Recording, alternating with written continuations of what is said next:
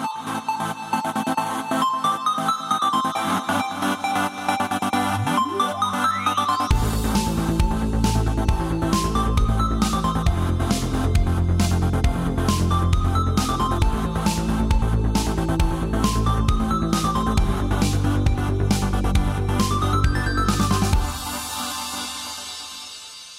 Hallå där och välkomna till Nördliv, en ocensurerad, oklippt och fantastiskt nördig podcast om spel och ja, allt möjligt, även om det där möjliga, det är mestadels spel, känns det som.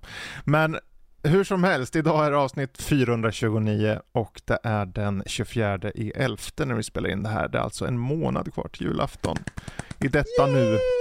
Jag heter Fredrik, med oss har vi Danny och Jesper och frågan är Kommer någon av er klä ut er till tomten om en månad? Nej, det är, nej, jag klär inte ut mig. Jag tar, eh, intar rollen som tomtenisse så att säga. Tomte, det är min storebror. Han är lönnfet och lite pipskägg sådär så. Okej, okay, så han kommer klä ut sig till tomten alltså. Han ser ut som en liten tom. Han ser ut som en trädgårdstomte. Jag, jag vet att han inte lyssnar på de här. Men det är ingen som klär ut Nej, sig till en tomte? Nej, vi har aldrig haft någon som har klätt ut sig som tomte. Eller vi har att vi, Men jag trodde ni var så här väldigt, ja men nu är det jul, nu ska vi gå all tomten, in. Du menar att ingen på någonsin julafton, ser ut som den 24, tomten? efter kalanka så kommer tomten och lämnar en stor säck med klappar. Han, har, han är väldigt upptagen så han tar och dumpar av den i hallen, sen sticker han När du vidare. säger att han lämnar, menar du då att no någon kommer in, åh, oh, det lämnades en säck. Eller menar du att man ser en tomte som lämnar en säck? Morsan kommer och säger, Åh, tomten har lämnat saker här. Det står en stor Okej. säck i hallen. Ja, ja. Hur är det för dig då Jesper? Eh, jag är inte tomten oftast, men det brukar vara så att det är en, någon som klär ut sig till tomte och så går den in. Man så här, någon går säger jag ska gå och lämna, köpa tidningen här och sen så kommer, eh, så kommer den personen in som tomte. Typ. Och så eh, tar vi säckar som vi har eh, massa Mm. klappar ifrån som vi har samlat ihop och sen bara delas det ut till olika Precis. personer runt eh, bordet och sen eh, efter eh, och så får man lägga de klapparna som är till den riktiga personen på en, den platsen och så får man, Ja, ja. ja, och sen så öppnar man paketen sen i slutet. Ja, precis. Ja. Jo, eh, i mitt fall så brukar farsan alltid vara tomten. Fredrik, din Mm. farsa är en tomte. Eh, han är ju lite av en tomte. tomte. Det är, det, vi är uppväxta, när jag växte upp så åkte vi till min mormor och då, då kom det också en tomte. Och det var alltid någon med en mask. En tomtemask. De här förskräckliga Och den masken har alltid gått liksom, det var den som farsan fick med sig sen när hon gick bort. Så att då fortsatte det. Men ungarna har ju alltid varit så här väldigt misstänksamma för att det kommer alltså en människa med en mask och lyser med en lykta genom fönster och glor in. Så att jag kan förstå om de tror att det är en seriemördare. Tomten är en seriemördare. Det, Fredrik, det är tur att du har massa övervakningskameror och sånt och så att... Ja nu ja, men inte när jag växte upp. Jag tänker för ungarnas skull. Ja, så att eh, ja, seriemördartomte är en sak. Men vi ska se om vi kan seriemörda oss genom ett par spel och annat i, i upplägget idag. Det är bland annat eh, snack om Flashback 2, Total Annihilation, Robocop, eh, Tales of Arise, Tales of Arise DLC om inte jag missminner mig att det är. Och eh, Mm. egentligen lite annat smått och gott. Men eh, som vanligt innan allt det där joxet så kan vi riva av några nyheter. Det finns ju alltid något skit som har dykt upp och jag tänker att jag tar ton först här bara för att riva av de få jag har. Ehm, jag tror en, en sak som, som blev li, lite av en het potatis på vissa sätt är den här Last of Us Part 2 remastern som utannonserades.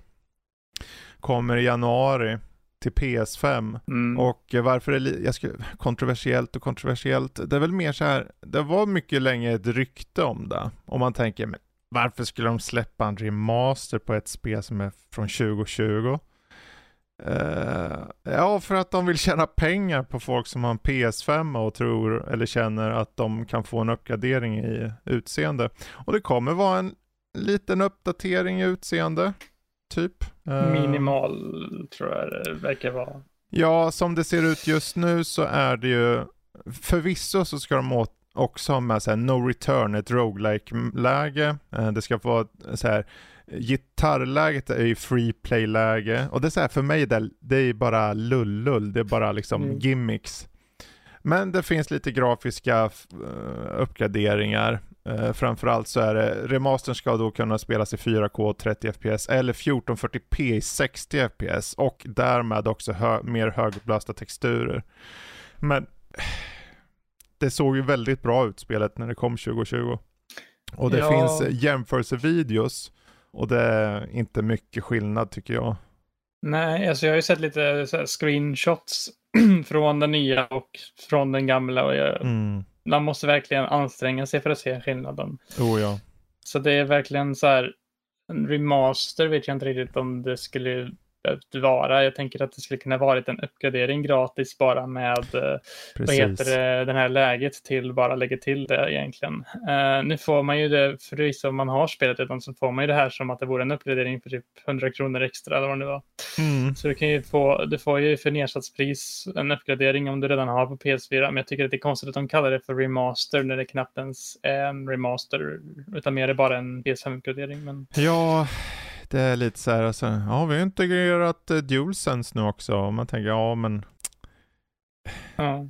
Vi, vi körde spelet för tre år sedan. Det här, mm. alltså fine, om du är en sån här ultra hardcore eh, nisse som älskar allt som har med just The Last of Us. Varsågod, då får du lite, uh, liten, liten, liten uppgradering i utseendet och du får ett, ett smygskäl att köra om det. För oss andra dödliga så är det mest här, jag tänker inte röra med en tång om jag ska vara helt ärlig. För att uh, ja. det känns som totalt onödigt. Det jag kan förstå däremot är att den släpps till PS5 och med all säkerhet så kommer den senare till PC och det är där den betyder något. Att den släpps på en, på en lite uppdaterad nivå mest för att då har de förmodligen uppdaterat den så pass att du kan göra de förändringar du vill även eh, på PC. Jo, men alltså det är ju PCn som är om den släpps på PC så är det egentligen att den då når in en ny publik. Det, det är inte samma sak riktigt med PS5-utgåvan utan det är ju bara då är det ju bara att du kan ju ändå köra originalet på PS5. Mm. Liksom. Så ja, men den kommer ju, den, kommer ju garanterat komma på PC till slut för att första kommer ju på PC och varför, varför inte släppa andra på PC då? Speciellt nu när det löste för oss. Um, Tv-serien gick så bra och de vill väl bygga upp lite hype nu inför säsong två. Mm. Så Ja, ja jag, jag har ju sett på forum där, där, och primärt är det folk jag, ah, dag ett inköp eller uh, cash grab, suck. Ja. ja. Nej men alltså för de som älskar de kommer ju köpa det i alla fall. Om man är fanboy så är man ju. Mm. Och det, det, mm vi är väl alla fanboy över något någonstans, så fine. Mm. Det är ju inget fel att få någonting som man älskar igen, men 700 spänn kostar det väl säkert. Eller däromkring, om du bara köper utgåvan från handeln liksom. Mm.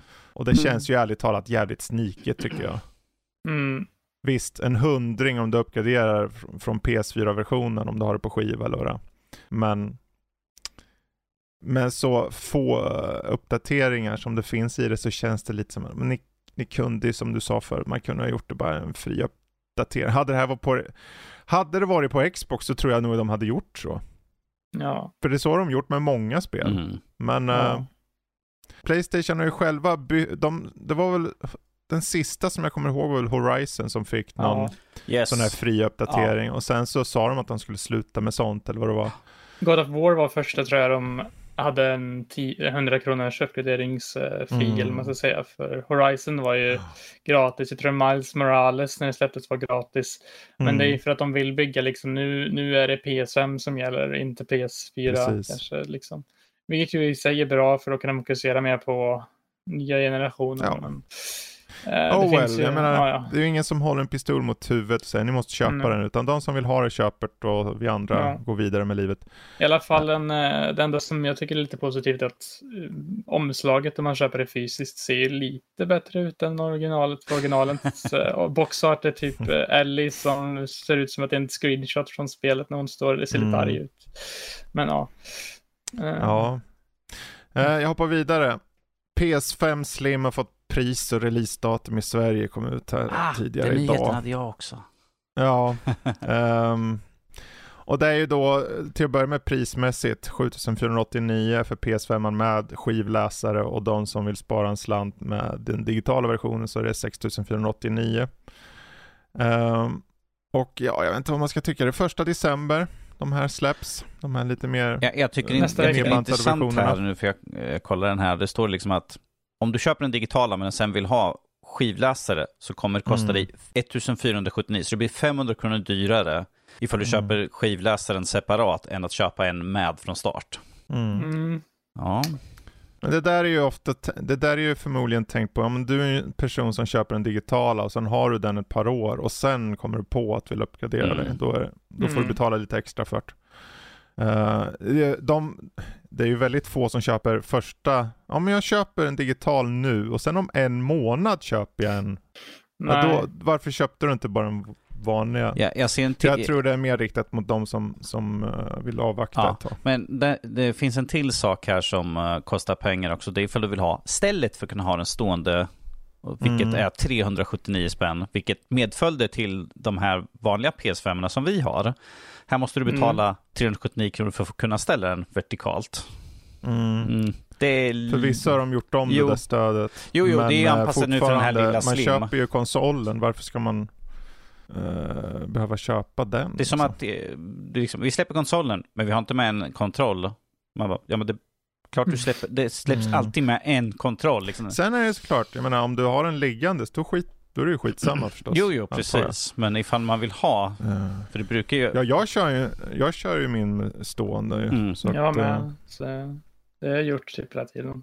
Jaha. Men vet du vad? Då finns det så här tredjepartstillverkare som har ma massor med olika saker. Ja, jo gud ja. Eh, det har vi ju sett med mm. allt från de här eh, kåporna som blir, eh, folk som sålde kåpor som blir nedstängda för att de skulle börja sälja sina egna.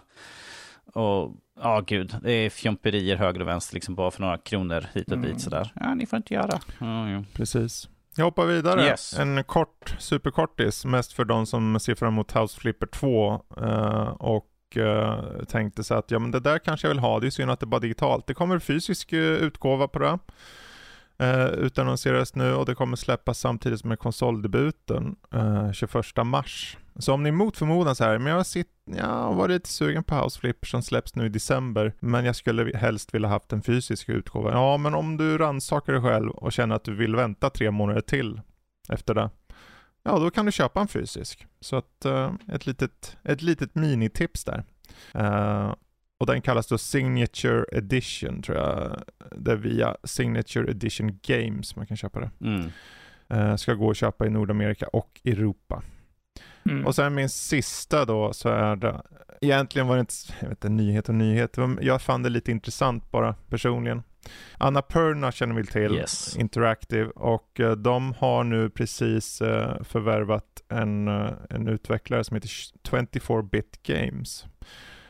Och 24-bit games har släppt ganska många bra spel faktiskt. De har släppt allt från Cocoon, Neon White, Maquette och många fler. Mm. Så att när de gjorde det här uppköpet så, så utannonserade, när det utannonserades så var det också att fokuset är att eh, hjälpa sydafrikanska eller afrikanska spelutvecklare, vilket 24-bit games är. Så jag tyckte det var en kul grej att se att de, de investerar i de här utvecklarna ändå. Eh, särskilt med tanke på att just den här utvecklaren har ganska gott om bra projekt bakom eh, bakom sig liksom. Med allt från Terranil och Maquette och Totally Accurate Battle Simulator, Broforce och allt vad det heter. 12 minutes gjorde de också senare. Mm. Det var värst. Så att uh, där var mina små nyheter. Så vi hoppar över till någon som vill ta ordet. Danny. Ja, Danny ja. Gammelgubben tar ordet här. Uh, för de som väntar in Warhammer 40K Space Marine 2 ni kommer tyvärr få vänta lite längre nu för att spelet skulle ha kommit här nu i höst.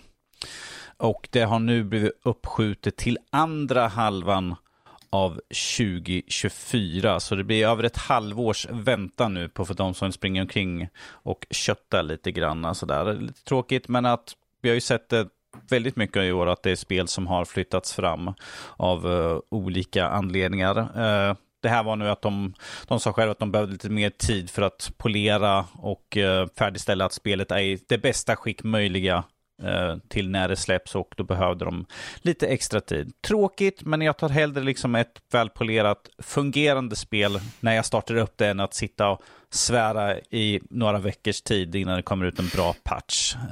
Vilket lite tråkigt. Um, Eh, läcka här nu, verkar som en, eh, på ett CV så är det någon anställd eh, som har råkat läckt att Borderlands 4 och Tiny Tinas Wonderland 2 är under utveckling hos Gearbox. Det är lite pinsamt när eh, folk skriver in saker på CV som kanske inte ska vara synliga för tillfället sådär. Men eftersom de inte har officiellt gått ut och sagt att de är spelen under utveckling. Men att för de som vill ha mer Borderlands så har vi i alla fall här nu att Borderlands 4 och Tiny Tinas Wonderland 2 mm. är under utveckling. Så vi får se när det officiellt... Kanske inte någon direkt superöverraskning. Nej, inte en superöverraskning mm. sådär, men att vi, nu är det i alla fall folk kommer kommer, när kommer nästa spel, när kommer? Ja, ja. Kan ta tv-serien först och sen kan ni vänta på det kommer de, extra, ta ett par år de extra åren, ändå. precis, mm. tills det är klart. Uh, för de som är nyfikna på de nya DC-filmerna här så fick vi nu utannonserat att vi har fått en Lex Luthor.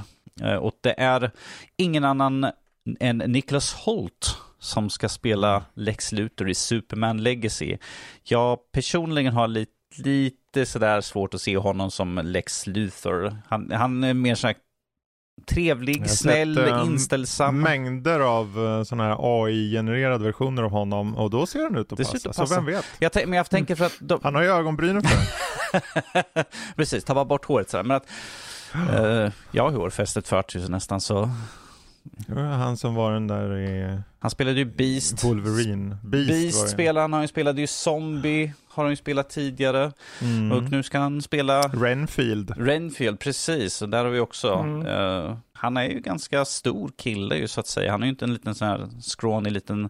Så att han kan ju säkert ta sig an rollen för att Lex Luthor har alltid varit en liten större karaktär. Vi får se till en tecknare till serietidningar. Så han har ju inte varit en sån här liten tanig sak. Och, uh, han... Ja, det har varit alla möjliga. Alla möjliga men de, de, mest kändaste uh, porträtteringarna av Lex Luthor har alltid varit stora. Ganska stor kille så att säga. Ju.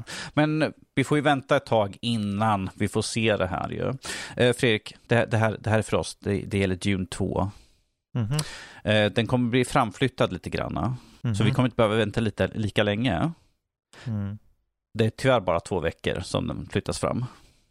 Mm. Mm. Men det är bra, vi bör, det är två veckor mindre. Datumet är vad då? då? Eh, ska vi se, första mars istället för 15 mars.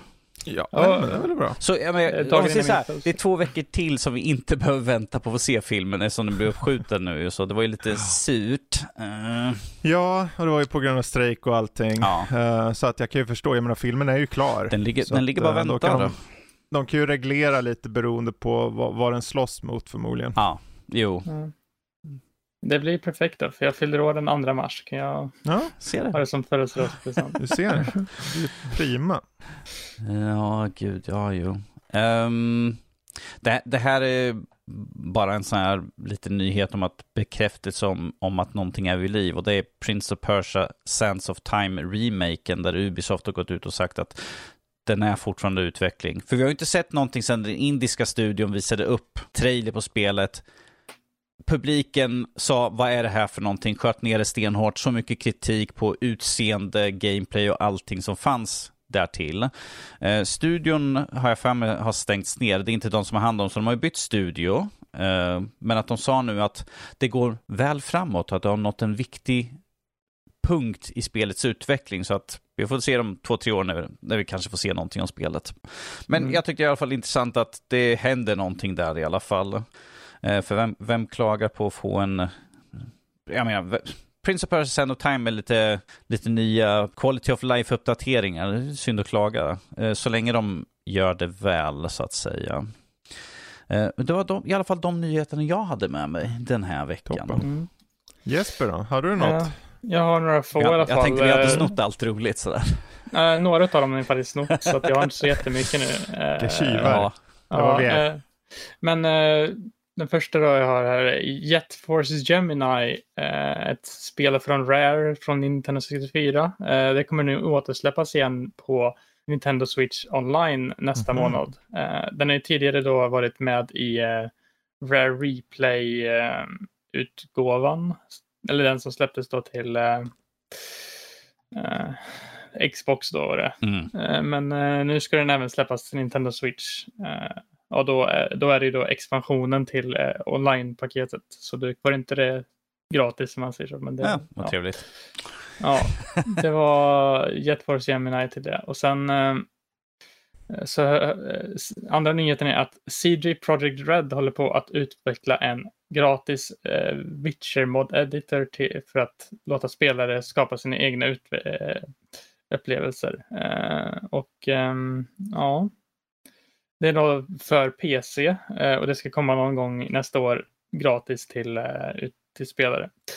Eh, och det är då någonting som man ska kunna använda för att skapa sina egna quest, sina egna content och ja.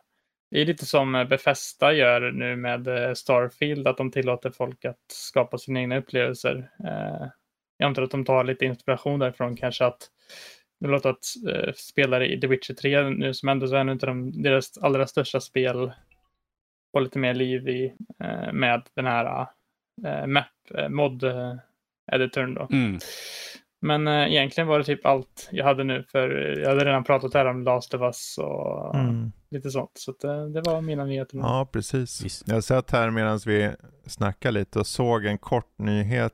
Och det var inte nyheten i sig, mer som namnet på spelet och hur långt det är. Okej. Det är så japanskt. Det, nu, vi känner till At Atelier-serien. yes. Atelier, ja. Mm. Och de, de, de har precis utannonserat ett nytt, eller så kanske det är någon Mobilspel portning. tror jag Ja, och den såg. heter ju Atelier Resleriana, Forgotten Alchemy and the Polar Night Liberator. Mm. Det låter som en sån titel. Alltså jag får, uh, tungan vrickar sig ju fort jag tänker. Det- här är nog, jag vet inte, få Tror det är PC via. Steam eller iOS eller Google Play. Mm. Jag tror det är Så gacha-spel. Ja, det, vad den är så är det i alla fall ett härligt långt namn på den där. Mm. Uh, jösses. Om ni spelar Atelier eh, Reseliana, eller vad den heter, så finns det näst, kommer det väl någon gång i alla fall. Ja. Ja. Men bra, då har vi betat av de nyheterna i alla fall så kan vi poppa in lite på vad vi själva har sett och spelat och allt det där. Ja. Eh, och då är frågan här, är det någonting som ni är extra nyfikna på av det som är inskrivet? Eller som ni... Ja, Jag kan prata om uh, Tales eh, då.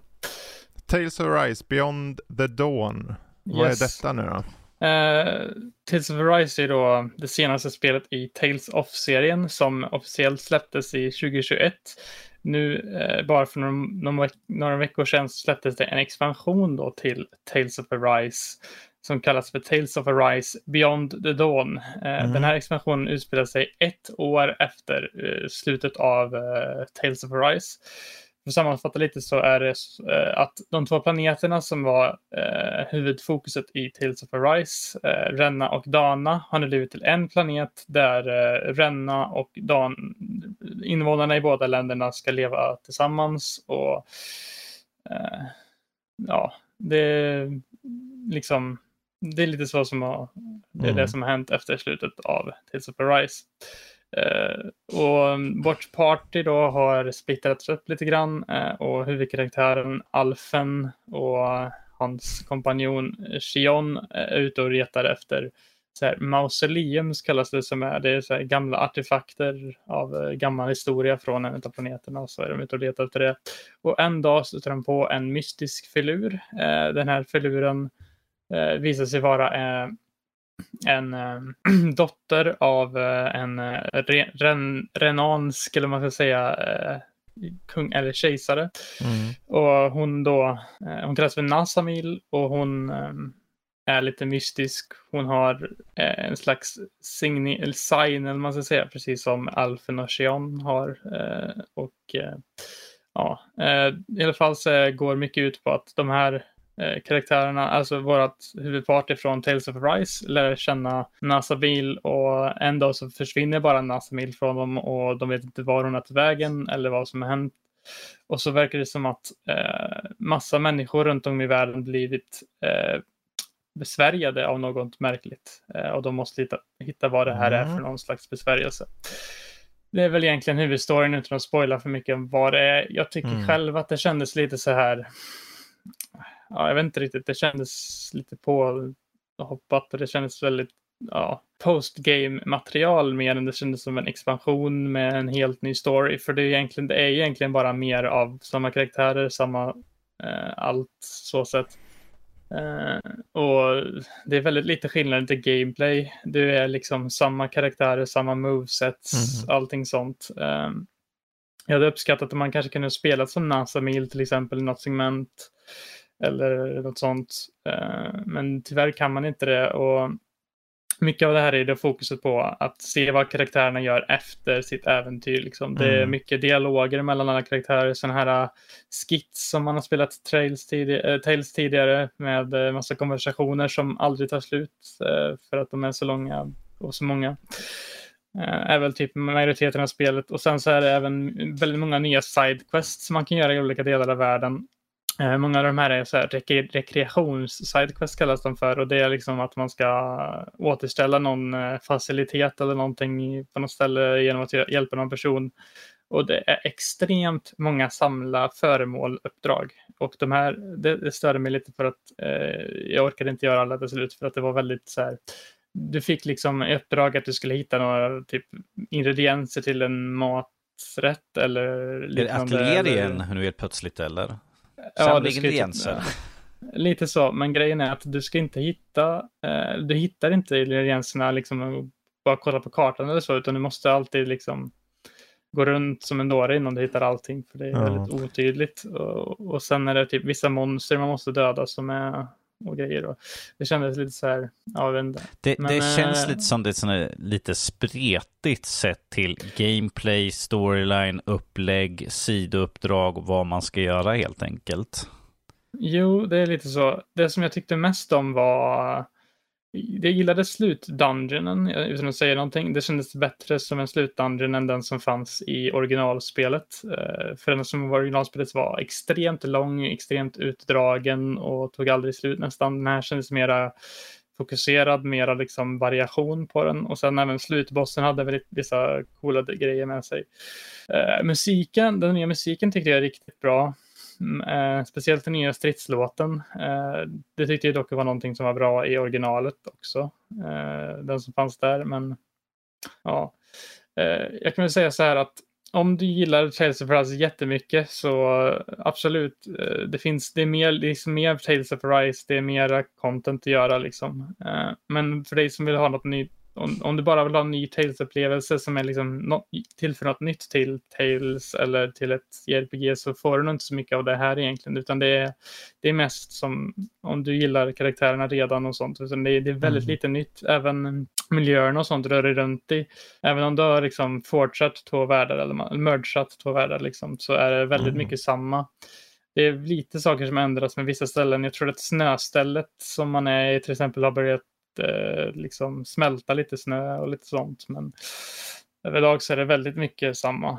Eh, och det tänkte jag på till och med som inte har kört spelet sedan eh, ja, två år sedan tillbaka och sen körde jag igen. Det kändes väldigt mycket. Jag har redan gjort det här liksom. Mm. Jag har redan tagit Platinum-trofén en gång. Jag orkar inte göra 100% på det här igen. Typ. Men jag körde igenom storyn i alla fall. Jag tyckte att det fanns vissa höjdpunkter i story, liksom mm. i, i spelet, men överlag jag skulle ändå rekommendera, eh, om du vill skaffa det här så är det nog en eh, Vänta till ifall det skulle, komma, skulle kunna komma en rea på den här DLCn. Så mm. skulle jag nog säga att det är värt det. Men till fullpris för 300 spänn tycker jag nog det är lite väl mycket för den här expansionen. Du, mm. du sa ju här innan att du körde igenom på runt 12 timmar eller vad sa du för någonting?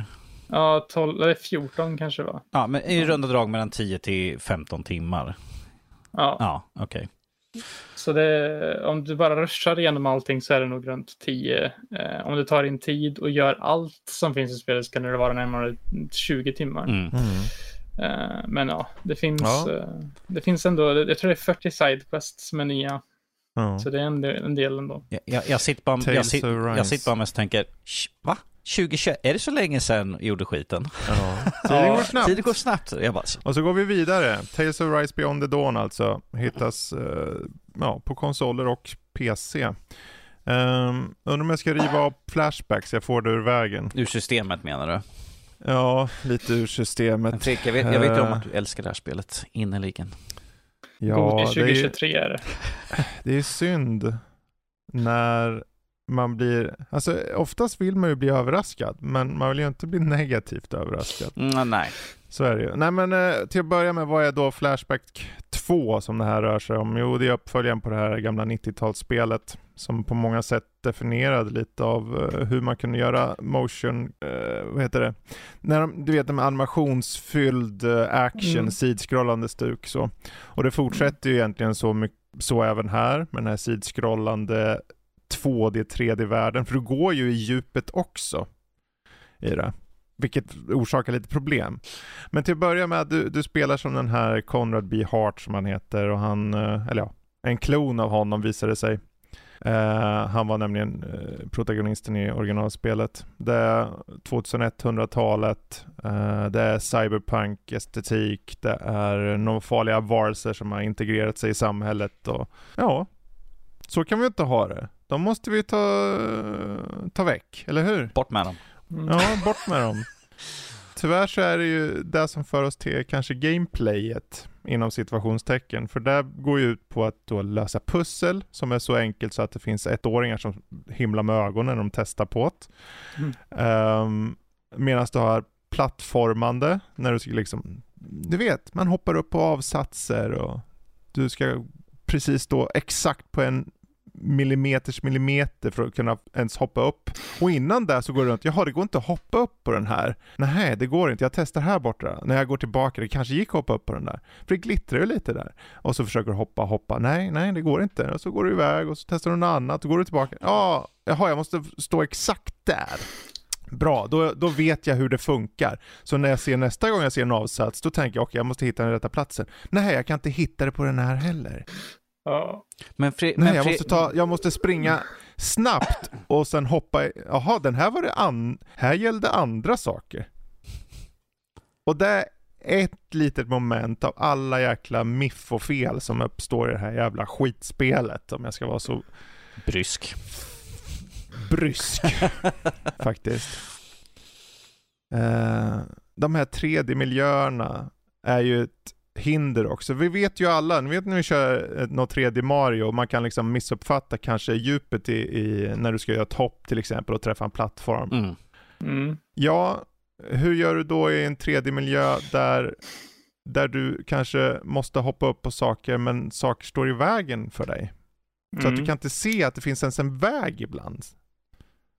För att 3D-djupet skapar så att eh, det, so saker som står i förgrunden blockerar din syn och därför vet du inte att det finns en, en, en smal remsa på typ en halv meter som du, din karaktär kan gå. Ja, det går inte. Så att eh, även där skulle du runt så här, men vart, vart går jag någonstans? Så level-designen är käpprätt åt helvete. Rent ut sagt. Speldesignmässigt, åt helvete. Det, det försöker sig på en liten berättelse med Konrad och han träffar ett par kompisar och du får med AI-kompanjoner. Och de flimrar rakt in i objekt i bakgrunden och för att komma vidare i berättelsen och historien så måste de följa med dig hela tiden. Och ibland så pratar de med dig. Mm. Men det är ju kul att de pratar med dig när de står fem mil bak fast i någon jävla stor maskin som de råkat flimra rakt in i.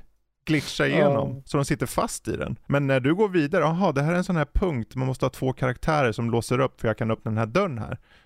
Men vänta, vart är Ulla någonstans? Och så hör du hennes röst, ja men då kan hon inte vara långt bort. Nej, men hon är ju inte här så jag kan inte gå vidare, den öppnas inte dörren. Okej, jag får springa tillbaka. Jag springer tillbaka och tillbaka. Och tillbaka. Och tillbaka. Där sitter hon. Jaha, hon sitter fast i ett objekt. Hur löser vi det här? Jag försöker gå runt. För hon, det är så dålig AI, så här, pathfinding i det här. Så att hon går bara raka strecket från där jag Ja. står och där hon står. Så när hon sitter fast i ett objekt som gör att hon är på en annan nivå, typ mellan två nivåer, då är det omöjligt. Så då Mm. kan du ju ladda om spelet. får du ladda om från tid, tidigare save. Som är små, det finns små olika specifika punkter där du, tryck, där du sparar. Men du kan på de här punkterna bara spara en gång, det vill säga första gången du går dit. Mm. Så, så då måste du spara om, men då är det oftast, den spaningen gjorde du kanske för 20-30 minuter sedan. Hela tiden. Oh my god. Alltså det låter som inte när man har speltestat det här spelet. Nej, nej, nej. Om, vi säger så här. Eh, Flashback 2 utannonserades 2021 och var sagt Mm. att släppas 2022. Ja. Mm. Vilket säger vilket tidsspann de har på utvecklingen där uppenbarligen. Eh, Precis. sköts upp till, och släpptes nu i år 2023. Och Det skulle ha skjutits upp tre år till tror jag. Och- Två år till. för, för er som har läst Fredriks recension, vilket jag har gjort eftersom jag korrekturläser också. Ja, Ho! Och det skulle inte ha släppts. nej, De kanske skulle, då, eh, istället för att gå till Microd så kanske han skulle stanna kvar hos Ubisoft. De hade säkert kanske Ja. gjort ett bättre jobb. Var det Micro som Det gjorde är Microd det? som har släppt det här spelet. Ja. Det är Ja, deras ut, publicerat det publicerat och utvecklat utav en av det. deras studios också. Och Jag sitter ju med ett Micro-spel just nu och kanske kan, jag, ska, jag har inte kommit så långt i det än, så jag tänker prata om det nästa gång kanske jag är med, men jag Mm. känner att de har även lite grejer där som Mm. hade tänkts på lite grann innan de släppte Mm. det. Men, ja, det är eh, förmodligen inte samma studio Nej, åtminstone. det är inte. Men Eh, men just det här med att, att man får springa tillbaka så långt med de här laddnings... Alltså fine, jag får ladda om. mm, Det är synd då att när jag laddar om så buggar det ibland ut. Det vill säga att jag kanske tidigare, när jag gick på en viss plats. Okej, jag tar hissen ner, här är en sparpunkt. Jag sparar. Och så gör jag saker och min karaktär dör. Ja. Då kommer jag tillbaka där den här sparpunkten var som var efter hissen. mm, Men när jag laddar om, då är hissen på fel plats. Så att när, när jag då kommer på att okej, nu är jag klar med uppdraget här nere och ska upp igen.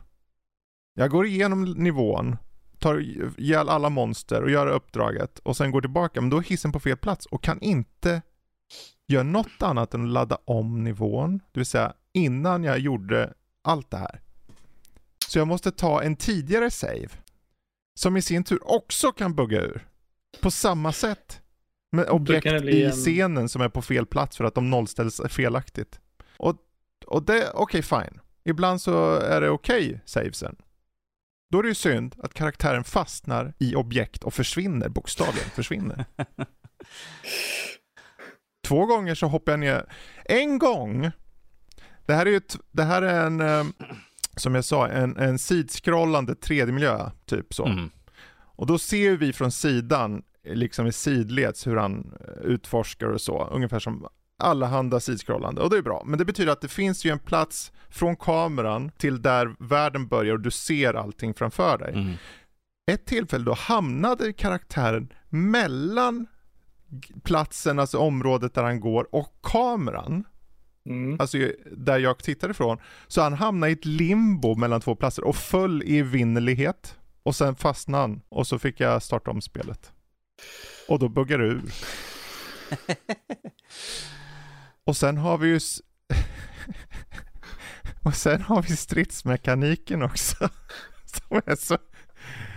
Det är ju lite av en Twin Stick Shooter liknande. Du styr med hand, handkontroll som det för övrigt inte är ordentligt mappat för. Det verkar vara mappat för mus tangentbord för det står jämt, ju fort du släpper handkontrollen på något sätt, det vill säga du styr inget, Mm.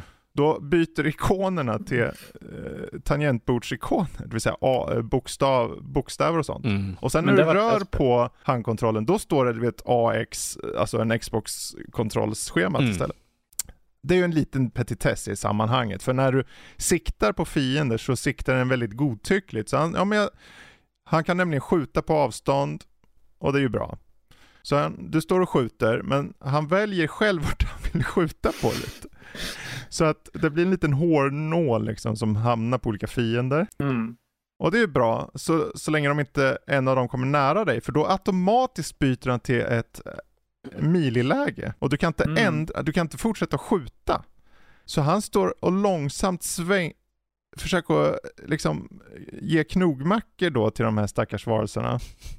Men det hjälper ju inte när du försökte skjuta precis den där flygande jäveln som hela tiden droppar bomber i huvudet på dig. Men i och med att du automatiskt byter till närstridsfight, ja, då dör du direkt. Och sen kommer du tillbaka Mm. i nivån och sen buggar den ur. Ja. Det är nog ett av de sämsta spelen jag varit med om på länge. Den har atmosfären från originalspelen. Eh, och den går att köra typ på, eh, på Steam-däcken. Förutom när du åker motorcykel och den går ner i typ 8 FPS i sekunden på, en, på min dator som är den bästa dator man kan köpa idag. Alltså jag kunde bra tecken. bokstavligen se i realtid hur FPSen långsamt gick neråt medan jag åkte. Jag tänkte på det här är märkligt. Sk- är det så krävande det här? Du satt, du satt och tittade och du bara... Först gick det snabbt och sen var det diabilder. Jag bara, Stendött. ja. Jag kunde inte ens svänga av. Och, eh, liksom, man åkte på en slags motorväg med en motorcykel och försökte svänga av, men det gick inte. För att det... Ja. Eh, eh, eh, och sen blev jag påkörd. Du jag hade inte ens gått spelet? in. Nej, jag, jag kunde inte köra, jag kunde inte köra klart. Nej. Nej, jag Vilket är tänker- ironiskt då, för spelet är ju dessutom extremt kort. Jag är typ 75% klar med det. Och jag kunde Ja. inte bli klar med det. Och spelet är på pappret fyra timmar långt. Mm. Efter fyra timmar av min speltid så hade jag kommit knappt halvvägs genom spelet. På grund av hur spelet är rent spelmekaniskt och hur det är buggigt, optimeringen och eh, berättelsen suger hästskit. Fy Ja. fan vilket skitspel alltså. Ja. Nu blir. Kameran, styrning. Jag undrar ju, jag undrar så här, undrar om det här, för jag såg nämligen online att de hade, de säljer en specialutgåva med lite fint lullull och De så här har fysiskt. flera. De har en specialutgåva med en samlarfiguren, Connor eller vad han heter, och en Steelbook edition, en sån här Och limited. någonstans blir jag lite så här, vet ni vad? Jag undrar om det här är kanske så pass uselt att de få idiot, äh, jag menar människor, som köper den där fysiska utgåvan faktiskt kanske kan få något för den om tio år. Den blir så här kultklassiker i den mån. Det var ju så uselt så det är helt otroligt. Ska, ska jag säga då samma sak som eh, min Dead Island-byst då som de drog tillbaka? Ja, men då var ju spelet åtminstone, det är ju fråga om spelet här. Mm. Spelet var ju inga, det gick ju att köra där, Dead Island. Men Flashback 2 är ju på många sätt en travesti. Återigen ett spel som eh, borde fått lite mer kärlek. Ja du, det finns ingen kärlek i världen som räddar det här tror jag. Det, det är kört. Jag, jag, jag, ja. det är få gånger jag tycker att utvecklarna ska gå under, men i det här fallet måste jag nog säga att jag, jag är på gränsen och känner att de förtjänar inte att arbeta under microids. Vad heter det? Hur mycket kostar spelet? Alltså, köpa liksom. Var den är så är det för mycket. Ja. Jag skulle säga att det kostar inte så. Det, det är f- t- 40, 40 euro på Steam, typ. Det är lite mycket för ett, uh, om man säger så. Ja, det är ju... Om det är en 99 kanske. Och vem vet? Som sagt, mycket av det här jag... Hälften av mina problem är buggar. Eller dålig optimering. Andra hälften är ju spelet som bara så här, vi vet inte vad vi ska göra för något spel. Det är både kort men korkat på samma gång. Det, jag vet inte. Oförargligt korkat nästan. Ja, Förolämpande. 450 på Mm. Steam. Ja. Fysisk utgåva till Playstation 5 489. Vilket är intressant för du kan få Limited Edition PS5 479. Så 10 spänn billigare på Limited Edition. jag vet inte vad... ja, du ser. Ja. Det fortsätter Ja, där temat mm, på Ja, idioti. precis. Ja, ja, vi går vidare. Flashback 2, undvik det för allt smör i Småland. Eh, så hoppar vi över till något roligare. Vad som helst. Eh, vi kan ta... Vi kan väl ta lite Robocop här nu. Ska vi ta lite Robocop? Ja. 50% man, 50% maskin, 100% polis. Eh, det här är ju en, mer eller mindre en uppföljare till den klassiska Robocop-filmen och vi får ju återse kära gamla ansikten som eh, uh, Ann Lewis, Sergeant Reed och The Old Man som chefen för OCP heter och såklart får vi se Peter Weller som eh, Robocop eller Alex Murphy. Eh, spelet inleds med att en tv-station blir invaderad av ett gäng som vill göra reklam för sig själva för the new guy som har kommit till stan som har pengar, pengar och ambition att göra någonting stort. Vad det är för någonting, det vet inte någon, men att alla skurkar vill ta del av kakan, vilket blir ett bekymmer för Robocop för att mitt under hans räddningsaktion i tv-stationen har han mystiskt en glitch som gör att han mer eller mindre fryser, vilket tyvärr hamnar på en kamera som visas på tv mer eller mindre och där alla säger liksom att okej, Robocop eh, går inte att lita på, vi måste ta in honom nu för att kolla, så, vilket gör att de installerar ett chip i honom, vilket senare används för att ge dig poäng, alltså man ser liksom hur bra har du utfört under uppdragen, de olika kapitlen som man kör genom spelen. Det är liksom, har du gjort alla uppdrag? Har du hittat alla sidouppdrag? Har du hittat diverse saker. Det finns en små saker som man kan göra som man får poäng för, vilket ger XP, vilket gör bonuspoäng, vilket gör att du kan uppgradera, uppgradera Robocop. Det blir mycket på en och samma gång här. Eh, spelet är en väldigt trogen återgivning av eh, filmen. Uh, vilket jag tycker är rätt kul. Karaktärerna ser väldigt mycket likadant jag, jag var till och med nöjd att gå tillbaka och kolla på filmen jag bara, såg de ut så här? Och jag tittade och jag bara, ja men till och med många av de andra sidokaraktärerna, jag bara, och där är han, där är han, där är han. Han har jag pratat med i spelet ett par gånger sådär och beklagat sig över saker och ting. Så jag tycker det är väldigt väl återgivet. Eh, uh, utseendet, detaljer, musiken, nästan allting är helt väl, väl återskapat igen, vilket jag uppskattar väldigt mycket. Men jag har haft väldigt mycket problem med spelet, uh, vilket Fredrik har förklarat för mig att eh, som det är på, uh, det är byggt på, uh, hjälp mig motorn. Unreal Engine 5. Unreal Engine 5, så har jag haft mycket inladdningsproblem för att mitt spel har varit inla, installerat på en SSD, men att det kräver en MVNV, mer eller mindre, är som på, ja, det rekommenderas. rekommenderas. Det är inte att det är krav. Ja, vilket jag inte hade, vilket gjorde att när jag startade upp spelet så tog det lång tid. När jag rörde mig över en karta, alltså när man var i Old Detroit, eh, en karta man är där, till och med när man rör sig över från en punkt till en annan punkt, vilket man gör ganska mycket. Jag går från punkt A till punkt B, punkt C, väldigt mycket. Så laddar han in kartan hela tiden. Så att jag kan gå från ena sidan till andra och den måste ha en laddningssekvens mitt vilket att Robocop helt plötsligt bara hackar till massvis med stutterings det kan ju vara hårddisk-relaterat som sagt, att den inte klarar av att ladda in tillräckligt snabbt. Men jag har haft flertalet tillfällen mm. när jag är på ett ställe där det inte ska ladda in och min eh, frame droppar ner till typ 18 och under. Och det slutar inte. Jag, jag, fick köra ett halvt kapitel för jag tänkte, jag vet inte när den sparade sist, jag har ingen lust att göra om. Så jag försökte köra för att jag skulle bara gå till ett ställe. Vilket inte var så enkelt för att det kom en massa skurkar som jag försökte döda i 18 FPS i ett första persons spel. Det var lite krångligt om jag säger så. Uh, de här sakerna är det som har gjort att jag inte har kunnat ge en utmärkt till spelet, för att den har tekniska problem som tar ifrån ett spel som jag hade utan problem, Ifall det inte var de här problemen hade varit bra köp rakt upp och ner. Så bra tycker jag att det är. Historien är rätt, det känns precis som Verhovens film.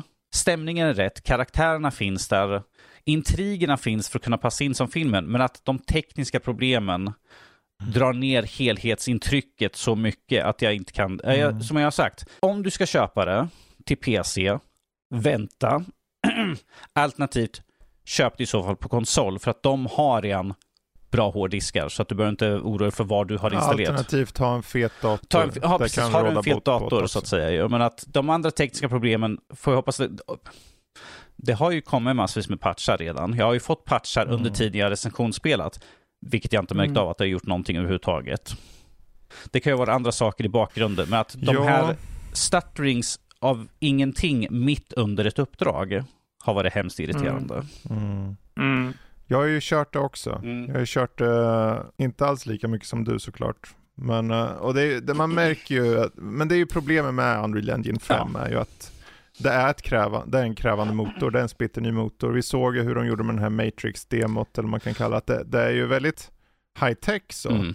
Men sitter du på en någorlunda äldre dator eller en mid-dator så, så kommer det vara tufft för datorn. Även om du kör med uppskalning och hela faderullan. Ja, jag uh. testade till och med att dra ner mina inställningar massvis. Försökte liksom mm. se ifall jag kunde pinpointa, liksom, är det den här, är det min DLSS eller någonting sånt där som jag kan ändra på uppskalnings... Mm. Jag hittade tyvärr ingenting som gjorde skillnaden för mig i spelet, i min mm. genomspelning av spelet i alla fall. Vilket är väldigt synd, för ja. att det är jag tror, riktigt jag tror bra också, spel. Det är ju, det är ju så tydligt exempel på ett spel som är väldigt så här, på PC då, som är väldigt olika från dator till dator. Mm. Och det, det, det, är ett stort minus, för att man vill ju ha, ha det relativt konsekvent. Förvisso är det ju, motorn är ju så pass avancerad så att det är ett under att den går att köra ganska bra på, på en dator som den du har. Som är lite någonstans mitt emellan i mittsegmentet så. Mm. Men man tycker ändå att det ska vara åtminstone eh, konsekvent 30, typ så. Eh, sen att det går upp och ner, det är tråkigt. 30, min låg på 60 för det mesta i gameplay. Ja. Men att, som sagt, när den skuttar ner till 18 helt plötsligt Det är en sak med de här när man liksom gör uh, level traversing, Mm. liksom, att man liksom går till en ny sektion där den laddar in nivån. För det, det sker ju för mig också. Och det är ett problem med Unreal överlag, att Unreal 4 har ju det också, nästan mer utmärkande tyvärr. Det märkte jag när jag körde VRC och den hade stutters. Mm. Vilket där, i det här fallet blir det ju så här, ja, men det är ju skillnaden mellan att du kör in i en bergvägg Va, eller om va, du var det också li, lika märkbart i Immortals of Avion? För det var ju också, Nej. för det är också Unreal Engine 5. Ja, det, det var inte de första det. ju som men, kom. eh, den, den hade problem, men det var aldrig på den nivån. Så, Mm. eh, Men det är ju, då har jag kört på min dator. ja. Och eh, Men jag tänkte eftersom du har kört Robocop också, också märkt av lite Mm. det här med stuttering med inladdningsproblemen. Och, det och bör jag säga, jag har kört Robocop och jag har inte haft något större problem alls. Mm. Istället. Utan eh, jag märker av i vissa punkter så är det en millisekund med att han laddar Ja. in något och det är en millisekunds med en liten paus eller en längre frame. Eh, så att de, men det är ju något, det är bra att man lyfter den då, att man eh, liksom säger till folk att ja men om du har en lite äldre dator eller en, en lite mid-tier dator så behöver du tänka efter om du ska skaffa det på det. Är det så att du däremot har en, en, en ganska fet dator en, med god prestanda så ja, då, då kanske inte är något problem, något större problem alls. Mm. Men det är ju tråkigt. Sen är det så här, om, man, om de fortsätter att patcha det, det är ungefär som med VRC. De släppte ju på VRC eh, en patch En patch som tog sedan. bort de problemen du hade med spelet när du recenserade det. Ja, till stor del Ja. i alla fall. Det fanns kvar någon enstaka, men eh, det löste sig ganska bra där. Eh, men det är ju sådär, det är tråkigt. Å andra sidan, som du sa, tack och lov ligger ett bra spel under allt det här. Mm. Eh, Flashback 2 kan ju inte göra någonting. Det spelar ingen roll om det blir bra, för spelet suger oavsett. Mm. Men här, om det blir lite bättre rent prestandamässigt. För jag har ändå haft relativt kul i den stunden jag har kört. Jag tycker väl mer att det är lite monotont med uppdragen. Det blir aldrig något riktigt... Okej, det är Nisse Munk här som sidouppdrag du pratar med. Någon gömmer sin jävla eh, damp... Vad heter det? Soptunna. Kon- soptunna eller något liksom. Lite knäppt. Men annars så är det så här, ja, du går runt och skjuter allt och så blåser du av Ja, huvudet det är på folk. så härligt köttigt. Eh, Jag vet inte hur många skallar Det- jag blått, blått av Jag tror det det. sämsta är väl egentligen så här, det- eller sämsta är det inte, men det är lite tråkigt att de trots den feta motorn har skitdåliga animationer för ansiktena. Mm. Eh, De det är, är så lite- de är särskilt lite- den här sergeanten på station Sergeant ser ut som Reed. en robot liksom. Han ser ut som någon har kapat ut ett ansikte och bara hängt det över sådär. Ja, det ser ut som så här gamla tidens när man liksom, ja men du vi tar skannar in din feja här och så tar vi och slänger in. Jag försöker komma på vad han, uh, sergeanten är i ju- Halo heter. För det, Ja, det ser aning. ut som, det är samma sak. De har ju bara Ja. ett inskannat ansikte sådär mer eller mindre. Ja. Det är ganska så här, det är lite livlöst spelet, men det passar ju in, det är ju Robocop. Det är Robocop. Är det han Ja. som är robot eller de andra som är? Mm. Ja, alla är AI egentligen, det är lite ironiskt. Ja. Robocop Rogue City, ja. Mm. Jag vet inte, vill du säga något mer där? Alltså, nej, vad mer finns det att säga liksom, eh, utöver liksom att ifall du har intresse utav, ifall du tycker om Mm. Robocop, tycker om att blåsa skallen av folk, skjuta händer av folk, eller skjuta dem i skrevet, bara ah, my balls! Kör Robocop. Perfekt. Köttigt, kul. Ifall du, liksom, Mm. det är väldigt mycket också nostalgi tror jag som spelar in, eh, som växte upp med filmen, har ju varit en stor del av ens liv, liksom Robocop, eh, tecknade serien eh, och liksom de andra usla tv-serierna som vi fick senare så att säga. Det har ju följt med en, men att originalet kommer alltid vara en, eh, det är en kultklassiker helt enkelt. Och här har vi Precis. tillbaka Peter Weller som Mm. liksom ansiktet och rösten återigen. Eh, så att Mm. som sagt, jag var nöjd att kolla på filmen igen efter att jag hade spelat klart. Jag bara, jag måste kolla liksom.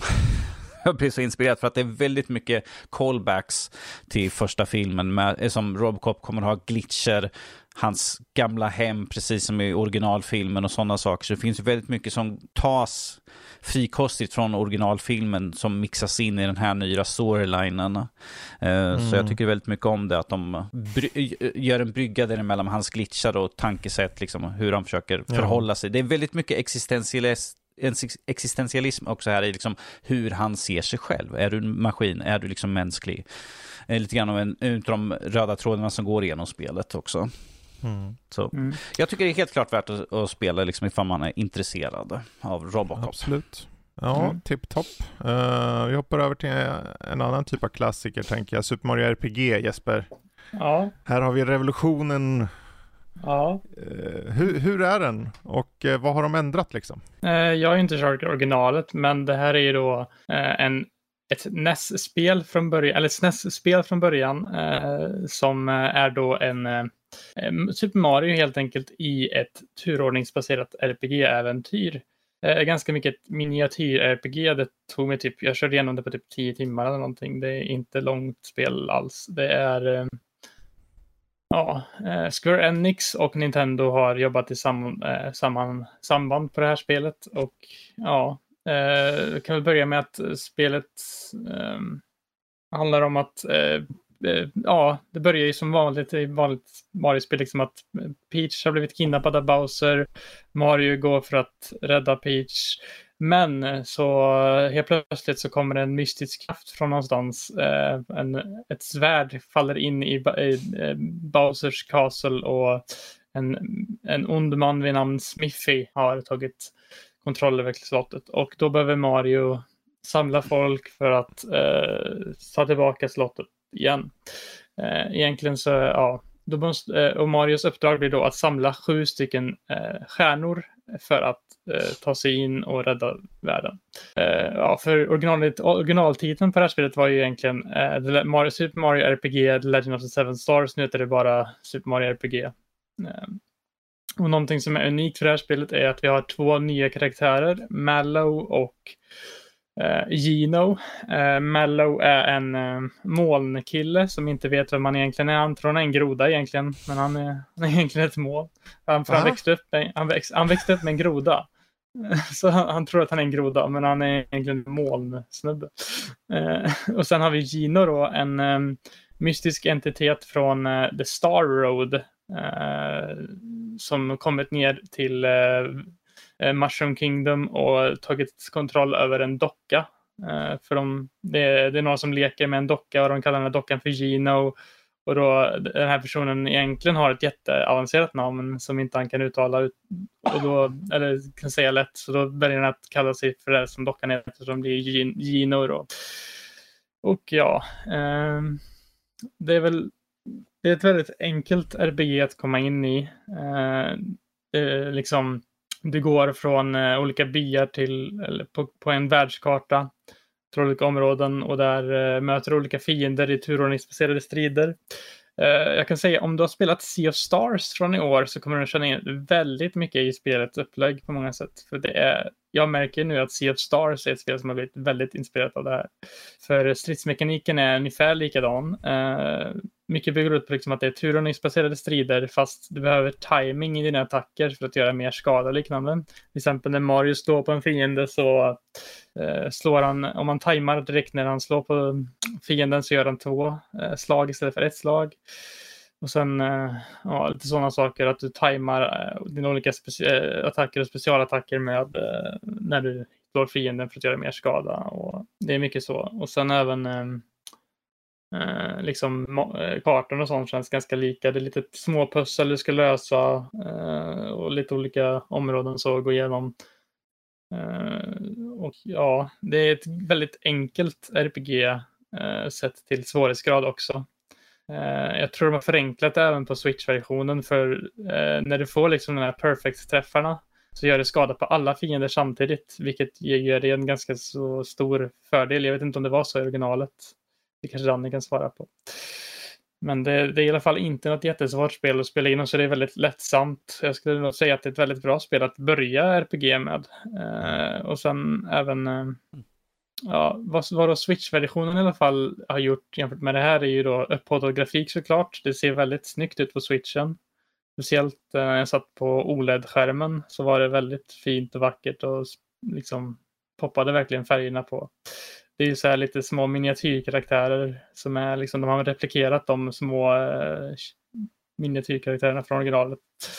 Eh, Så har den även remasterat soundtracket från eh, originalet eh, med kompositören Yoko Shimamura som har gjort originalet också. Eh, och det är väldigt fina stycken, speciellt eh, det finns ju en, ett stycke som är väldigt eh, populärt som heter eh, Forest Maze som jag tyckte var väldigt eh, härligt att lyssna på.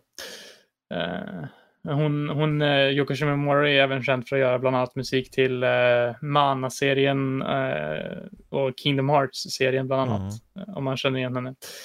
Eh, en av de största kompositörerna från Japan i spel egentligen. Um, men ja, jag tycker att det är ett väldigt mysigt och fint spel. Mm. Uh, lätt att komma igenom, bra för liksom nybörjare att spela ett, uh, om du vill spela, om du vill om du har liksom spelat Mario förut och du känner att du vill ge dig in i någon ny genre som kanske verkar lite så här avskräckande från, en, från ett avstånd eftersom att många av de här RPG-erna har oftast mycket stats du behöver tänka på och sånt. Det finns fortfarande sånt du kan liksom köpa olika accessoarer och olika liksom föremål, men det är liksom allt. Du liksom kan sätta på olika föremål och mm. olika accessoarer. Det är liksom allt som du kan göra för att uppgradera dina karaktärer med. Så det är väldigt enkelt, så det finns inga, det finns inga liksom skill trees eller något sånt mm. där och massa sånt som du behöver tänka på, utan det är väldigt straightforward, bara spela på. Liksom. Det, det följer ju väldigt mycket det här Mario-temat att vem som helst ska kunna hoppa in och spela. Mario vem som helst kunna ja. plocka upp kontrollen. Samma mm. sak med Super Mario RPG. Det är RPG light. Vem ska helst ska kunna mm. hoppa in liksom och förstå liksom gameplayet, hur du, hur du liksom använder de nya accessoarerna och sånt. det blir aldrig, för att det är en bra jämförelse där, för, för Mario, som ta senaste Mario till exempel, mm. det är ju lätt för vem som helst att plocka upp, men det blir ju tydligt svårare. Det är ju en utmaning det, Mario är alltid lite utmanande i plattformen. Finns det, mm. ökar något i svårighetsgrad på något sätt liksom här eller är det mer konsekvent lätt? Lite, lite i slutet gör väl ja. det kan jag väl säga. Det finns väl lite svårare liksom bossar som kräver lite mer att du måste eh, tajma saker bättre. Men mm. eh, sen så tror jag att jag tycker att ändå, det är inte liksom som i Mario att det finns redan i början sådana banor som du liksom kan uh, ta liksom väldigt mycket, utan det, det, det, blir fortfarande ganska lätt. Alltså det är inte jättesvårt någonsin i main storyn i alla fall. Mm. Jag har inte hunnit röra postgame än, men jag har förstått det så rätt som så finns det, du kan ju möta om bossar och sånt och göra det, möta svårare versioner av bossar och sen så finns det också en, en, en superboss som är väldigt uh, omtalat för att vara ganska stor utmaning från uh, originalspelet. Mm. Så eh, det finns ju utmaning, men det finns ja. ju inte så mycket utmaning i main storyn kanske om man säger så. Nej. Men för att runda av då. Det är ändå ett okej okay spel, ett solitt spel. Liksom. Ja, jag tyckte det var riktigt mysigt att bara mm. spela igenom. Eh, ja, och, det, och det, man kan tänka sig, det är liksom för många RPG är ofta så här, det kan ju ta runt 40 timmar plus mm. eller någonting att köra igenom ett RPG. Här har du liksom 10 till 20 timmar av content liksom. Mm. Det, det blir liksom inte mer än så oavsett hur mycket du gör. Så det, Precis. Ja. Ja, nej, det är skönt med eh, den här lättillgängligheten eller, eller saker och ting bara, ja men det här är spelet, nu kör du. Mm, ja, och det är väl lite så där. Uh... Det, är så, det är så Mario egentligen. Ja. Om Mario skulle vara mer komplicerat än så så skulle den avsläcka många som... Precis. Uh, Bra. För jag tänker, då kan jag ta bollen där lite, för jag, jag kände på ett spel här en, ett par timmar eh, som har lite, den är också old school. Det heter Total Annihilation, ett gammalt RTS. Det är faktiskt 26 år gammalt. Men jag, så, jag, hade det på, jag hade det på Steam, jag måste ha köpt det någon gång när det var extra billigt och, eh, och så. För det här är en så här riktigt gammal jäkel alltså. Eh, men det hade, egentligen den enda USPen, eller den stora USPen jävla fult ord, USP egentligen. Men det unika med den är egentligen att eh, när du, allting består av robotar mer eller mindre. Eh, du har en stor megarobot och sen så med hjälp av roboten så bygger du upp en bas med olika saker och du kan bygga små robotar. Och om fiender kommer in eh, i bilden och du har ihjäl dem, deras vrak kan då återanvändas till metall. För det finns bara två resurser, det finns energi och metall och that's it.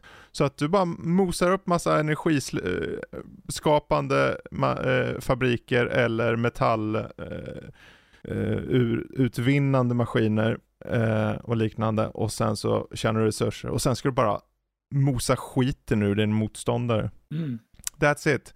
Visst, de försöker sig lite, det finns en story och lite så, men just den här enkelheten är så skönt, särskilt efter jag körde Flashback, att gå in i något som var så eh, det kanske låter tråkigt att säga simpelt, men det, fin- det är något fint i det. Att du vet exakt vad du vill göra.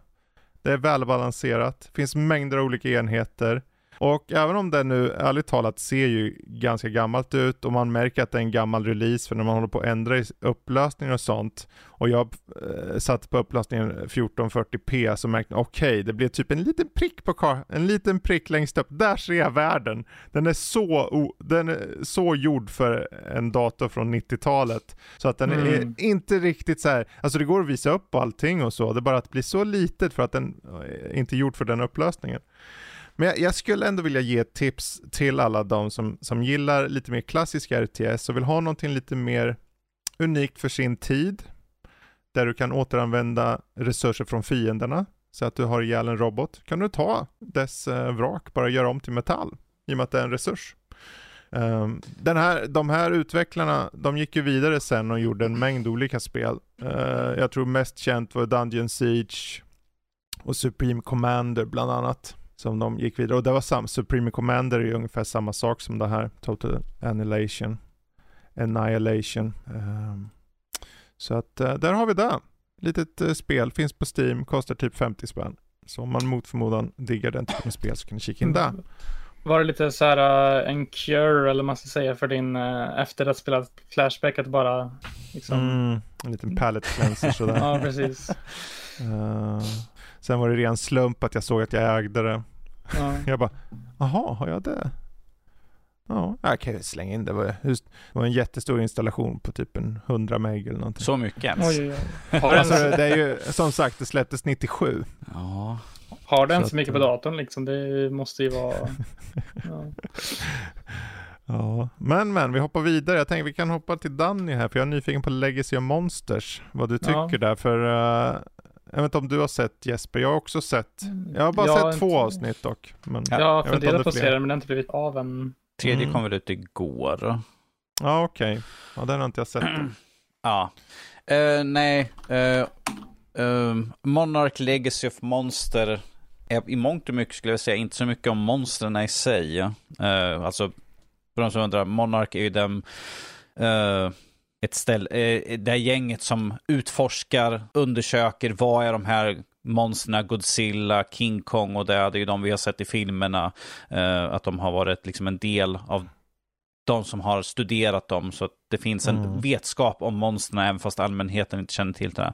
Även fast det är egentligen grunden för den här tv-serien att skapandet av Monarch mer eller mindre så är det här som jag upplever att det är mer ett familjedrama just nu.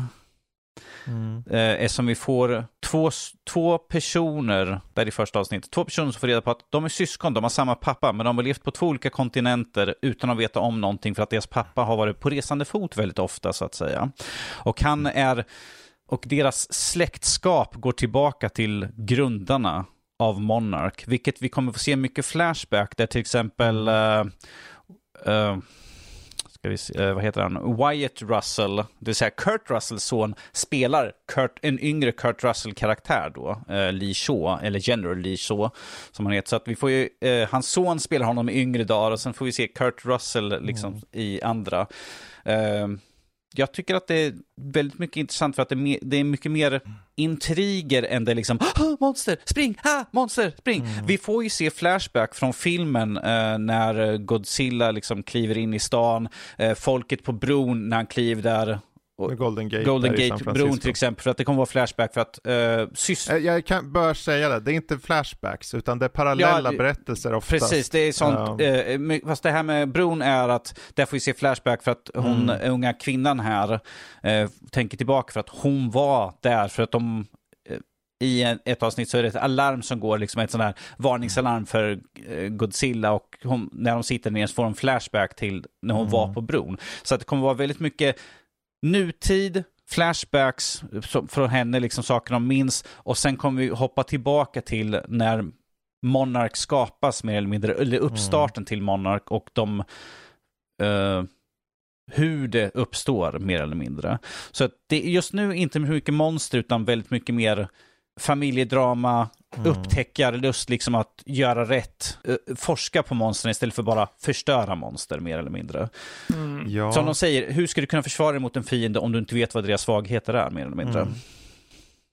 Ja, jag såg de där två första avsnitten och varit väldigt imponerad av uh, dels produktionen Men också att det fanns, jag tycker om just det här med att de, för de gick inte ut tydligt med att det var parallella tidslinjer först. Nu är det här en liten spoiler på sätt och vis, men fine. Uh, att du får följa vissa antal karaktärer i början och sen vissa andra senare, eller samtidigt snarare. Mm. Och att de initialt inte säger tidslinjer, vilka tider det är och så. Så att de, de bygger upp det på det sättet. Sen när det blir tydligt så leker de lite med konceptet så.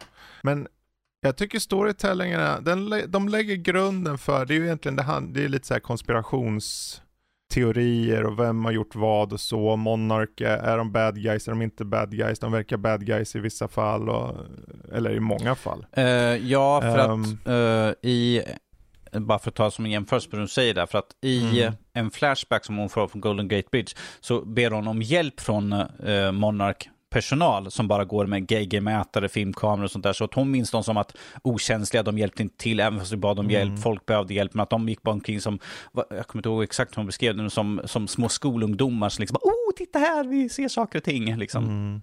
Men att mm. det är ju deras jobb. Ja, och plus att hon har ju trauma där, mm. för hon har precis sett en skolklass gå, liksom, precis. många unga ungdomar dö och så. Så att eh, folk är färgade av situationen som de upplever, mm. medan de här Monark, eh, lite så här, de, de gör sitt, din, sin grej bara och verkar inte bry sig om annat, vilket är väldigt okänsligt så. Eh, folk håller på att dö och de skiter i det och bara mäter, åh oh, kolla här är massa, här händer det grejer. Men eh, jag vet inte, ja, det enda som är potentiellt är att hans son där, eh, vad heter Wyatt han? Russell. Han som, är väl inte den bästa skådisen än så länge. Jag tycker han är ganska svag. Jag hoppas han får ett uppsving uh, ja, i skådespeleriet. Ja, ja, um, jag, tycker det är rätt pass, jag tycker det är egentligen rätt passande sådär att uh, att han, som han, han och sin far på sitt skådespeleri, skådespeleri skiljer sig ganska dramatiskt åt egentligen. De är väldigt två skilda skådespelare, vilket jag tycker att man kan, i den här serien kan man ta att han är yngre, han vet inte bättre, han uppför sig på ett visst mm. sätt. Uh, jag tror, jag tror karisman är det stora ja, problemet. Att det är att, inte en fråga om teknik. Nej, nej, utan men för... plus att, uh, som sagt, när de här grundarna träffas så är de inte, mm. så står de inte på samma fot, de står inte liksom, de är inte överens om saker och ting. Så att uh, jag tycker att det blir rätt bra liksom att han är liksom, han är en kaxig amerikan mer eller mindre. Han är soldat, kaxig amerikan liksom. Han säger liksom, jag letar efter en doktor och hon och uh, doktor Keiko Miro säger att, ja men jag är doktor. Han bara, men du är en kvinna mm. mer eller mindre. Du, hur kan du? Ja, det, det, är väldigt så, så det, det, är nästan det är väldigt, lite on the nose. Det är väldigt där. mycket så här stereotypiskt och han säger samma mm. sak där. Men jag tycker att man, ser, man kan tänka då att hans karaktär, väldigt crude, brash och sånt där, medan vi kommer, när man ser Kurt Russell istället, lugn, mm. avslappnad, vet vad han gör för någonting. Jag ser det som att man ser att det har gått jävligt lång tid och han har utvecklats. Mm. Och blivit en annan karaktär. Nog, jag, alltså för mig är det en fråga om hur du levererar mm. repliker. Ja. Om du inte levererar dem bra, då spelar det ingen roll om du, ja men man kan se det som att han inte har erfarenhet. Mm. Ja, du kan också se det som att han är en halvdan skådis. Han tycker han, mm. tycker han borde ha när han ändå pappa där så. För att man märker direkt hur etablerad Kurt Russell är. Bara hans karisma när han kommer in vinner ju över väldigt mycket. Men tack och lov är det ju en ensemble-serie det här. Mm. Och eh, det är väldigt intressanta val överlag på karaktärs, eh, de här skådespelarna. De har vävt in olika nationaliteter på ett bra sätt. Mm. Eh, det känns som en internationell berättelse hittills. Jag har ju som sagt bara sett två avsnitt. Och än en gång, väldigt välproducerad. Uh, och det blir mysteriet kring det här, liksom, vad, vad alla de här ledtrådarna leder till och vad som faktiskt har hänt och så. Väldigt intressant hittills. Mm. Kanske lite med tempot jag känner, de skulle nog se över tempot. För tempot uh, i första två avsnitten var lite off. Ibland så var det så här, ja men nu går det snabbt och ibland så droppar det enormt så. Så att där, där kanske de skulle, men det, det... å andra sidan, de etablerar mycket, de tar sin tid med saker, så att de kommer nog igång längre mm. in tror jag. Det är ju tio mm. episoder i alla fall det, eh, som mm. det kommer vara. Och för ni som är intresserade, ifall ni vill se det här så är det på Apple TV. Precis. Uh, så där finns serien. Tre delar av ute än så länge. Mm. Vilka dagar kommer det på? Kommer det på torsdagar då? Jag är mig att det var igår uh, den eh. droppade. Ja, är det inte fredagar? Nej. Det är fredag idag. Ja. Jag vet inte, men om den kom igår sa han, så att då borde det vara torsdagar då. Låt ja. mig kolla mina. Så att, uh, nej men jag tycker hittills det är väldigt lovande. Jag tyckte att, uh, jag tyckte om de här två avsnitten. Um, och som sagt, de, man måste börja någonstans och det är lite så att de etablerar saker, kanske lite tempo, saker som jag känner var lite off. Men överlag så tyckte jag att det var en bra setup och väldigt intressant. Så att jag ser fram emot att se mer av jag, det. jag, Väldigt jag, mycket är, jag är bara nyfiken för att kommer fortsätta se de två olika tidslinjerna Mm. parallellt serien igenom. Ehm, Med tanke på hur de eh, marknadsför serien så känner jag väl att det är A och O. De har ju marknadsfört som, som att du ska följa de här karaktärerna. De som du ser på deras poster. mm, Eh, vilket är de två olika tidslinjerna. ja. Så att eh, visst, det skulle vara om de kommer fram till kanske någon, någonting mid-season och säger ja men nu behöver vi inte längre. Det kan ju ske. Mm. Eller så kan det vara en del är väldigt tung på dåtid och en annan del är kanske Ja för tung du på har nutid. ju som så. sagt i och med att de här båda Russell, familjen Russell där är ju stort fokus. Så känner jag om de skulle gå bara till nutid. För jag skulle inte ha något problem med det här men jag tänker det vore kul att fortsätta utforska eh, de två tidslinjerna.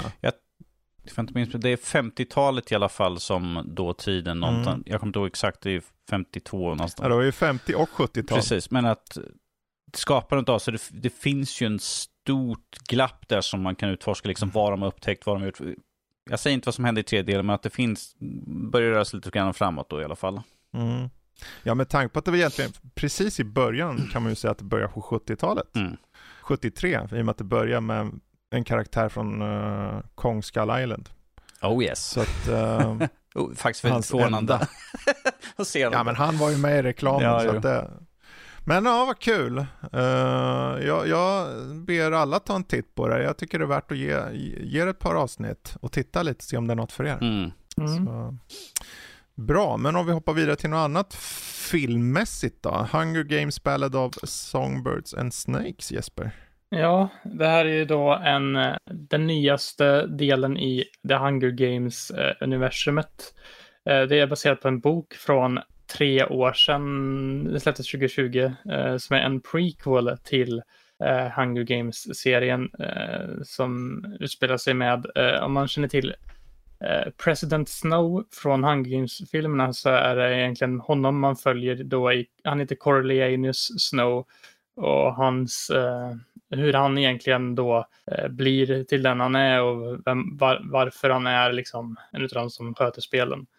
Eh, och egentligen i början så är han ju mer en, liksom en mentor, eh, egentligen en mentor till eh, nya spelare i Hunger Games. Det, är då det, det ska bli då det tionde årliga Hunger Games och de behöver eh, kandidater då.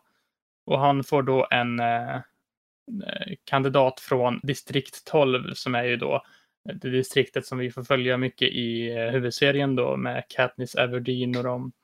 Eh, och han eh, hon då, Lucy Greybeard, eh, Greybeard som hon heter, för han följer då. Eh, och, eh, och det börjar ju då utspela sig med att uh, Lucy Greybeard uh, vinner spelen genom att de skickar ut, vad heter det, ormar i arenan där de spelar.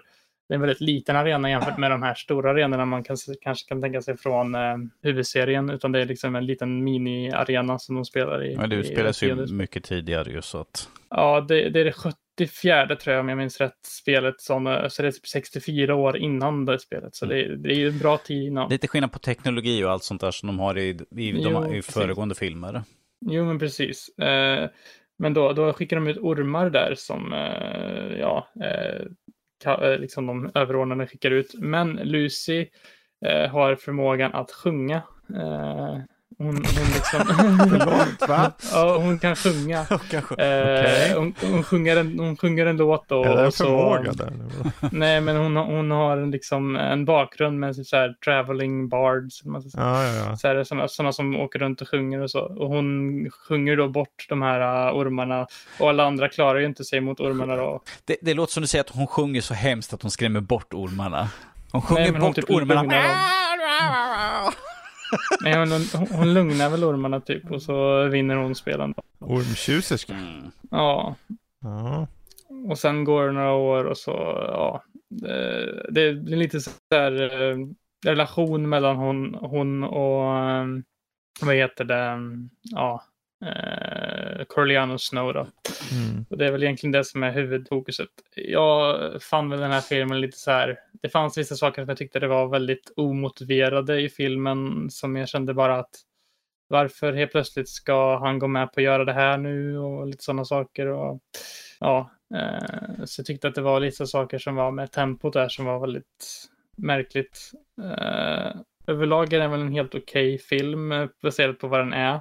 Jag ska inte säga att man ska förvänta sig en vanlig Hunger Games-film om man går på den här filmen, för det är väldigt annorlunda. Det är liksom lite mer vad som händer bakom kulisserna, liksom med uh, The Capital och lite sånt. Och liksom, liksom de som sköter spelen lite mer.